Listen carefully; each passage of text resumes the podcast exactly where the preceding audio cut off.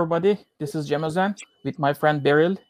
We are starting a new program which is called Kiev Radio. In this program, we will host Ukrainian journalists and experts. We want to hear their comments, their feelings, and their stories during the Russian invasion. Today, our first guest is Darina Shevchenko, CEO of Independent. Darina, thank you very much for being with us. Thank you for inviting me. Uh, first of all, are you in a safe position? Yes. Great. Darina, um, there are reports that, uh, I mean, uh, this war has been one of the deadliest for journalists. Uh, so far, uh, 12 journalists have been killed.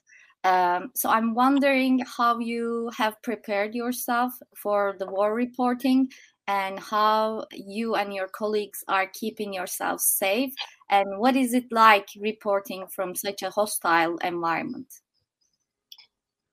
Well uh, it's a complicated question. First of all i should make a disclaimer and say that i am myself not a reporter though i do contribute to the reporting these times because uh, we are very understaffed. Uh, the kiev independent is actually a startup. We are only four months old. And uh, we didn't have a lot of people on the staff. We only had more like a bit over 20 people, including both commercial managerial teams and editorial team. So uh, we don't have a lot of people. Uh, I mostly contribute to the newswire and some, you know, reporting from the safe place where I call people, interview them. Sometimes I, you know, um, can do interviews on the ground in the safest parts of the country where I know. And uh, however, we do have a few people who are reporting from the field. Um, it, you know, it takes a lot of courage to do this kind of reporting, even though we don't uh, send people to the uh, hotspots in the southern and eastern parts of the country. Um, it's super dangerous. And the biggest problem for us is that we don't have uh, any war reporting insurance uh, for the for journalists in Ukraine. More than that, I don't think it's even possible to get this type of insurance in Ukraine at all. Uh, so this is a big problem not just for the Kiev Independent, but for, for the you know the whole media community of Ukraine. Um, as for our field reporters, war reporters, they are working mostly in Kiev and in the uh, suburbs of Kiev, which is also very dangerous uh, because Kiev satellite towns were under huge attack. And um, frankly, you know, as one of my colleagues said, uh, reporting from there gives you a 50 50 chance of dying. Um, and uh, that's what we have to face. Uh, we unfortunately didn't have um, everything prepared for the war. We didn't have the ammunition. We didn't have the bulletproof vest, the uh, helmets, uh, nothing like that. So we got all of that thanks to our colleagues and partners in different partner countries of the world uh, in the first, I'd say, days to weeks of war. Um, and that's the equipment we are using now. Uh, so it is, it is, it is very dangerous and it's uh, very complicated we don't assign stories in the field. So we basically pick a strategy of people having to volunteer to go to report from the war zone, the, the front line. Um, that that is working for us um, now. Um, anyway, we have three people working in the field. Um, yeah, that's pretty much it. Okay. Uh, Darina, you're running a news website. Uh, you are the chief executive officer of Kiev Independent. By the way, you make a brilliant job during the war. Congratulations. Uh, when the war first begin, you need keep working as an executive of a news website, but on the other hand, you need to keep your family's security and your security. So, are you confused to choose which is prior? Well, there is no confusion there. Uh, we told our everybody that you know we so in the first day of war we right away switched to 24/7 news coverage, even though we were very understaffed for that. But uh, people, some people who were able to work took uh, very long shifts on the news wire and on the website yeah. in general and worked uh, very hard to deliver the news to the rest of the world, but we knew that was very important at that moment, and we knew that would be, um, you know, crucial for uh, for the word to get out and for the truth to get out. Um, but at the same time, we told everybody that you know their safety and their family safety is, is their priority. Uh, so you know, in the beginning, there were a lot of moving parts. There were a lot of people who you know were on the road for several days. I myself, at some point, was on the road for three days. Um, who were trying to relocate with their families, friends, or you mm-hmm. know, trying to get to a safer place, trying to evacuate their families from the uh, very hot spots near Kiev. Um, yeah, I mean that's obviously a priority, but as soon as uh, they would get to safety, they would come back to work. Uh, I myself spent the first 10 days of war uh, in Kiev in my parents' apartment. So I, my my apartment is close to my parents' apartment, so I basically moved my stuff to their place to be able to help them if needed and uh, just to be together. Um, but then at some point, I realized that uh, being a manager in these circumstances is very difficult so so like when you do the news your focus is on the news and that's what where everyone's focus is naturally is right so i was only while you know sitting there and hearing the the air alert sirens and the uh, explosions around me all the time the only thing i could do was read the news and i wasn't really able to do my job but at some point you just realize that your brain starts going in circles and uh, um, it's very hard to focus. So I started uh, in the first days. I started helping the newsroom with the news coverage, um, and then um, at some point I realized that I kind of need to get back to what I need to do as a CEO. Uh, because I, you know I'm not a chief editor. I don't manage newsroom. I don't edit stories. Usually, I mostly take care of the finances of the company and uh, make sure that we have funds to do whatever the newsroom finds appropriate to do. And then uh, I, I, you know, I, I was getting a lot of emails from partners around the world, but I was, uh, it was very hard, hard to, to answer an email. Uh, so I decided to leave. Uh, and they left to a safer place uh, to the western region of the country where it's safer, though we do get strike alerts like five day five times a day or something. And sometimes they last four hours. Um, but i mean so far it's it's relatively calm and here i got back to what i need to do.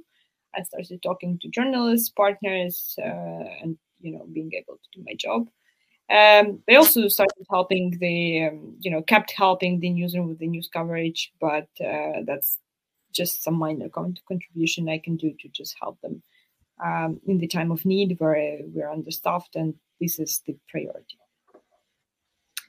So um, as ukrainians your country is invaded and you must be really um, pissed off and it's a brutal invasion but on the other hand uh, you're uh, organizing this group of journalists and you are also reporting.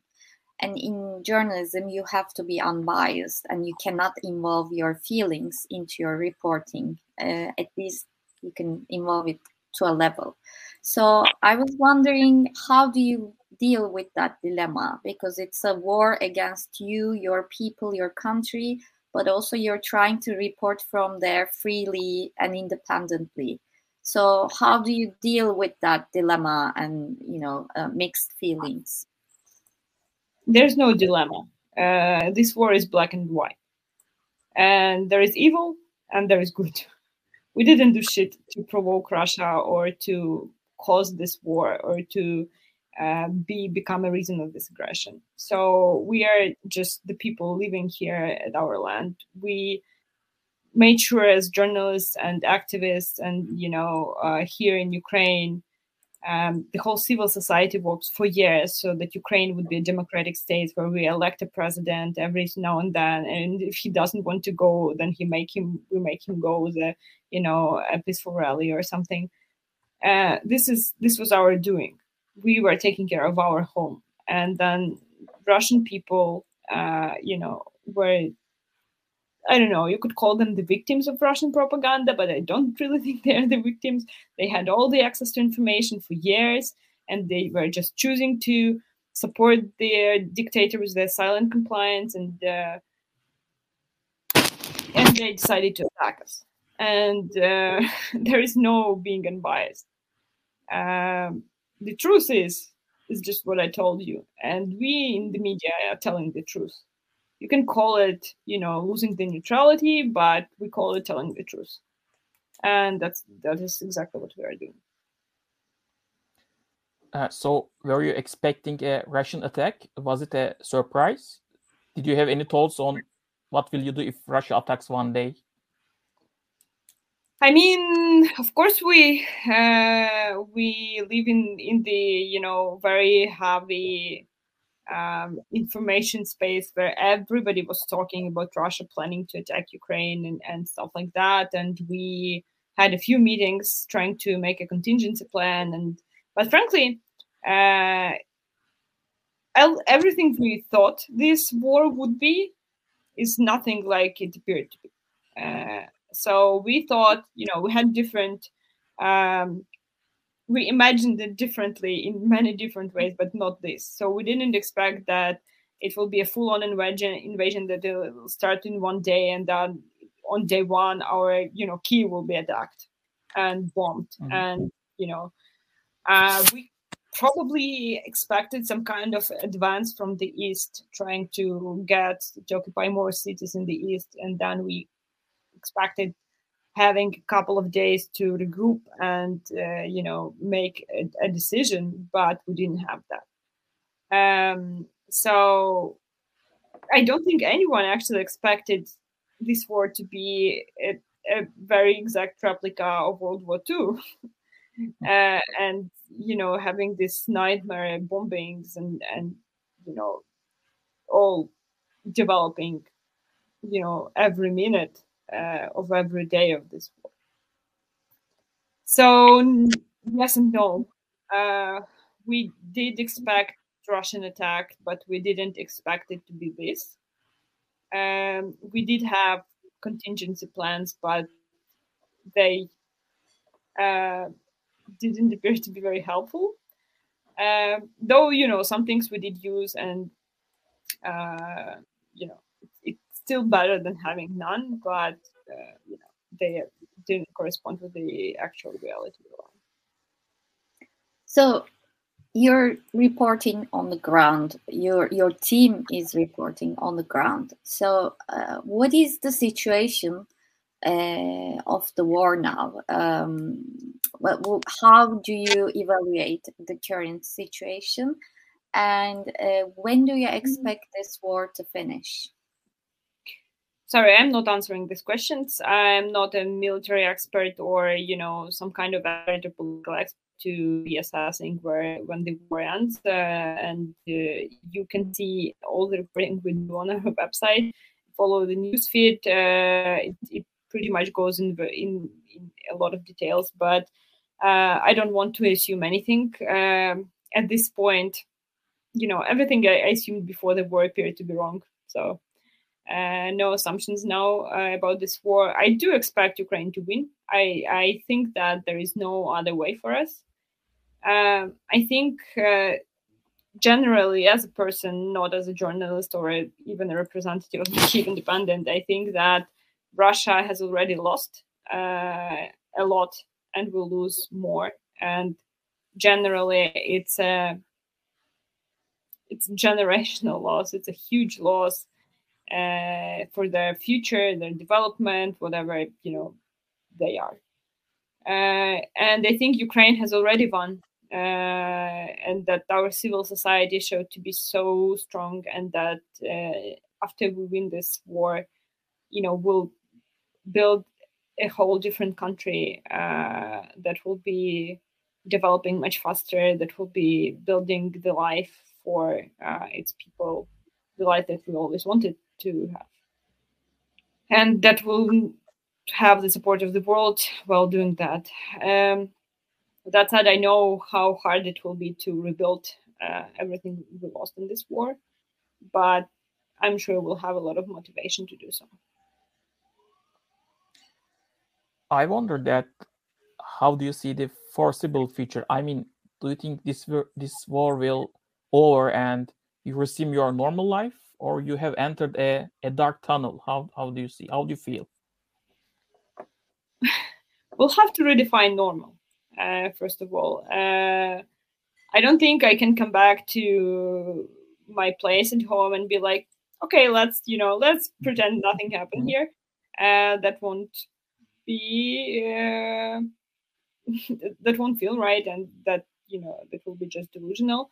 Um, a missile hit a house near my parents' building, uh, which is like you know two kilometers from my my place and at probably 200 meters from theirs and you know you can't really pretend nothing happened and just resume your normal life mm-hmm. um, i think our new normal will be investing a lot into rebuilding the country into volunteering into supporting uh, war veterans and war victims into you know just making sure that everybody the more people uh, the better can live through this uh, with you know i i wanted to say unscarred but it's impossible so probably just can live through this. Uh, and uh, you know uh, stay in ukraine and work in ukraine and make sure we all together build uh, i think you've been doing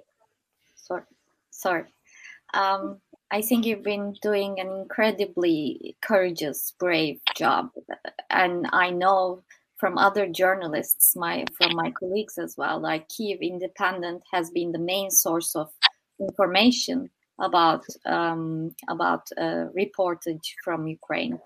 Um, so, do you have mm-hmm. anything else to add about your journalism or other Ukrainian journalists uh, in the field? Uh, do you want to add anything else about this issue? I just want to say that uh, I've been I, I've worked in media for 11 years and uh, I've been doing different kinds of stuff. I've worked with investigative journalists. I uh, did a lot of media development programs, uh, actually helping helping reporters, young reporters, and you know student supporters to uh, find a new way as media, you know, um, as media world changes and and uh, technology changes and stuff like that. I helped a lot as a media consultant on different media make money and make sure they're sustainable and that they can be independent, uh, truly independent. You know, uh, not depending on the oligarch money or any kind of political investment.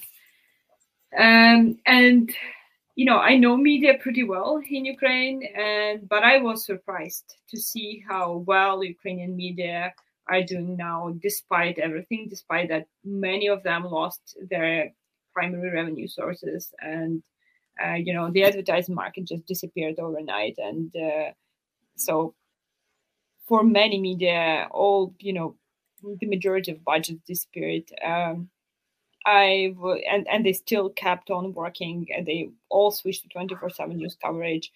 They were coming out with new formats. They uh, were introducing new products every day as we you know as we speak. Many of them introduced uh, you know news in english uh, even though it was very you know new to them and unusual and they probably didn't have enough resources to do that but they still did because they thought it was important uh, as the war developed and um, I'm very proud of them. Uh, it's just amazing to see uh, my team. So before the Kiev Independent, I mean, still am. I'm still a partner Jnomics Media Consulting. That's a media consulting agency uh, that works in uh, Great Britain and Ukraine. Basically, wor- work with different media companies around the world. Mm-hmm.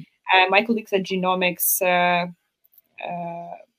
started a huge fundraising campaign and and actually deployed a lot of efforts to uh, help different Ukrainian media fundraise with the donors, but also a crowdfund for crowdfunded for them on GoFundMe, and um, it, it, was a very successful campaign, and they helped a lot of media survive through this. So, and I think this is great. I I am very proud of all of my colleagues. They've done an amazing job, and uh, they risked their lives. Some of them got killed, and Uh, some of them were imprisoned uh, by the occupiers and, and then released and, and endured a lot of suffering and, and danger. But um, I've, you know, I know that a lot of regional media has closed because they didn't have resources and it was just impossible to work.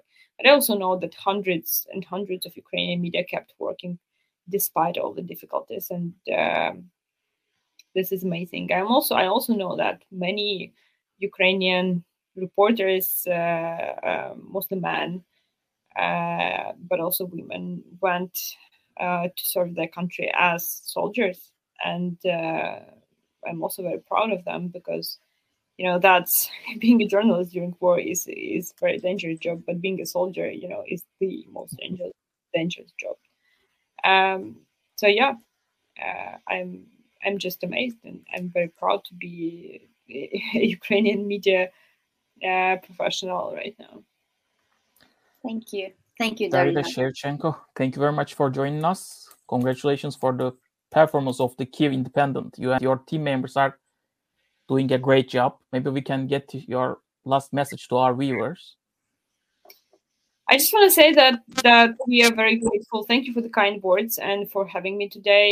Uh, we at the Kiev Independent are extremely grateful for the support. Uh, we do understand the responsibility that is on us to report uh, on the war from Ukraine, to being the you know, we essentially became the voice of Ukraine overnight, and uh, we, you know, we understand that, and we try to do our job as as good as possible. Um, and uh, we we're very grateful to all the colleagues around the world who reach out to us and talk to us and ask us about, you know, how uh, how we're doing our job, how they can help us and stuff. Actually, the information uh, helps. The fact that you guys are talking about this war is very helpful because uh, we will probably win anyway. But without your support and, and without the the words out, our uh, victory will come at a much higher price, and we understand that, and we are extremely very grateful. So thank you very much. Thank you for you know what is, and please share the word about the uh, war Russia waged um, it's a very unfair war. It's a war nobody asked for, uh, and it's a war in which Ukraine is suffering a lot, and uh, we do need every bit of support uh, right now. Thank you. Thank you so much. Thanks for watching. See you next time.